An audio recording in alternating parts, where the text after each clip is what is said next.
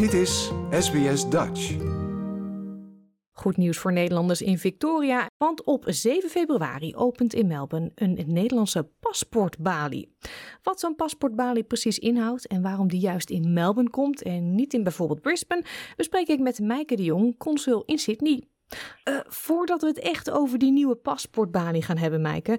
Uh, waarom heeft Nederland in zo'n groot land als Australië, het is gewoon een continent, alleen balies om paspoorten aan te vragen op het consulaat in Sydney en de ambassade in Canberra? Ja, nou eigenlijk ook niet op de ambassade in Canberra. Dus alleen op het consulaat-generaal in Sydney hebben we een vaste paspoortbalie op dit moment. En bij externe dienstverleners op dit moment in Perth en straks in Melbourne. Tot ongeveer 2015 hadden we wereldwijd wel honorair consuls. Die uh, ook een eigen kantoor hadden waar je een paspoort of visum kon aanvragen. Maar in uh, 2013 heeft het ministerie van Buitenlandse Zaken besloten dat honorair consuls zich voortaan alleen richten op economische diplomatie en noodhulpverlening. En is die dienstverlening afgeschaft. Tegelijkertijd werd er dus wel gekeken van nou, hoe kunnen we die Nederlanders in het buitenland dan wel uh, tegemoet komen. Dus bijvoorbeeld uh, in 2014 zijn paspoorten voor volwassenen 10 jaar geldig geworden. Um, en voor kinderen is het nog wel vijf jaar, omdat hun uiterlijk nog te veel verandert op jonge leeftijd. Er zijn nieuwe kantoren bijgekomen bij grensgemeenten in Nederland, onder andere op Schiphol. En tegelijkertijd zijn we gaan uh, verkennen of commerciële dienstverleners, waar we al jarenlang mee werken in het visumproces, ook kunnen worden ingezet om uh, Nederlanders dichter bij huis te kunnen helpen. Ja, want je spreekt natuurlijk over een enorme afstand binnen Australië. Daar komt een behoorlijk prijskaartje bij. Waarom wordt er besloten om een paspoortbalie te openen en niet gewoon dat front office van de honorair consul Melbourne weer uh, open te gooien? Ja, het is efficiënter voor, uh, ja, voor het ministerie van Buitenlandse Zaken om, om dat uit te besteden. Voor de Nederlander maakt dat verder niet zoveel verschil. Want het blijft nog steeds een innameloket waar je een paspoort of identiteitskaart kunt aanvragen.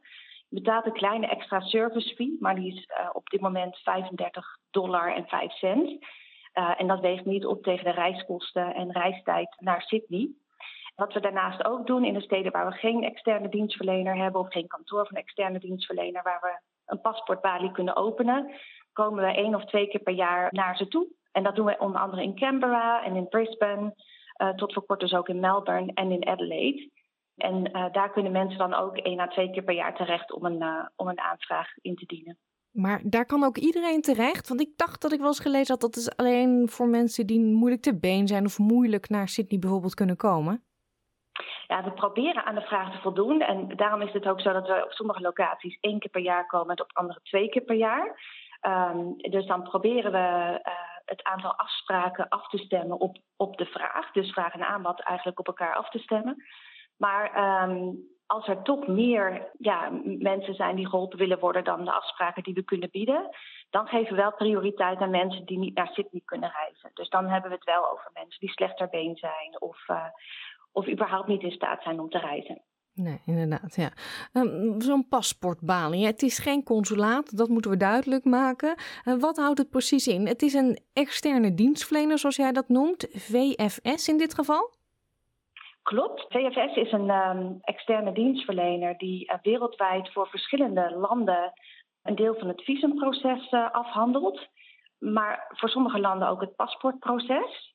En het ministerie van Buitenlandse Zaken heeft wereldwijd een raamcontract afgesloten met VFS. Ja, het proces loopt eigenlijk hetzelfde als op het consulaat-generaal. Dus alle voorwaarden zijn hetzelfde. Het proces is in principe hetzelfde als, als bij ons in Sydney. Maar uh, mensen betalen een extra service fee. En dat is het verdienmodel van de externe dienstverlener. Daarnaast is het zo dat het personeel over het algemeen geen Nederlands spreekt. En um, dat het alleen een innameloket is. Dus als mensen inhoudelijke vragen hebben, dan moeten ze contact opnemen met het uh, wereldwijde contactcenter. En dat is 24 uur per dag en 7 dagen per week bereikbaar. Of op onze website kijken. Ja, dus dat betekent wel, als jij daarheen gaat, dan moet je wel even van tevoren goed je huiswerk doen.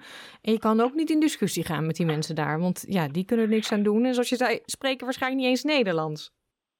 Nee, nou is het zo dat heel veel Nederlanders in Australië überhaupt geen Nederlands spreken. Dus uh, ook uh, bij ons in Sydney is de voertaal heel vaak uh, Engels, maar dan meer op verzoek van de klant. Um, het huiswerk is eigenlijk hetzelfde als wanneer je een aanvraag in Sydney indient. Want ook in Sydney geldt dat je goed voorbereid naar je afspraak moet komen. dat je op de website Nederland Wereldwijd een, uh, via onze paspoorttool een gepersonaliseerde checklist moet uitdraaien om te kijken welke documenten je moet meenemen naar je afspraak. En heel belangrijk uh, zijn de foto's. Want de fotovereisten voor Nederlands paspoort wijken af van, van die van bijvoorbeeld uh, Australië. Dus wat dat betreft is dat geen verschil. Of je nou je huiswerk moet doen voor een afspraak in Sydney of een afspraak bij VFS in, uh, in Perth of Melbourne. Nou, nou, weet ik dat in Sydney, in het winkelcentrum, beneden één of twee fotografen zitten die weten waar zo'n Nederlandse foto aan moet voldoen. Komt in Melbourne ook zo'n hulptroep die weet hoe die foto moet? Ja, zeker. We gaan zeker met een paar fotografen in de buurt uh, in gesprek. En uh, daar zullen we dan ook het fotoschabloon achterlaten dat nodig is voor Nederlandse paspoorten, zodat die fotografen geïnstrueerd worden waar Nederlandse paspoortfoto's aan moeten voldoen. En um, als we zo'n fotograaf dan uh, op onze website vermelden, dan hebben we vaak met die fotograaf de afspraak dat als onverhoopte foto's toch niet goed zijn, dat mensen dan kosteloos nieuwe foto's kunnen laten maken bij die fotograaf mochten mensen toch ergens anders naartoe zijn gegaan en, en zijn de foto's niet voldoende om een aanvraag in behandeling te kunnen nemen, dan uh, maakt VFS tegen betaling ook nieuwe paspoortfoto's. In uh, Perth was dat bijvoorbeeld 15 dollar ongeveer voor een, voor een setje nieuwe pasfoto's. Dus die optie is er ook voor Nederlanders. Maar waarom doen ze dat gewoon niet standaard? Dat je alles daar in één keer kan doen? Nou, dat doen wij ook niet in Sydney. Dus uh, mensen moeten zelf hun eigen pasfoto's meenemen.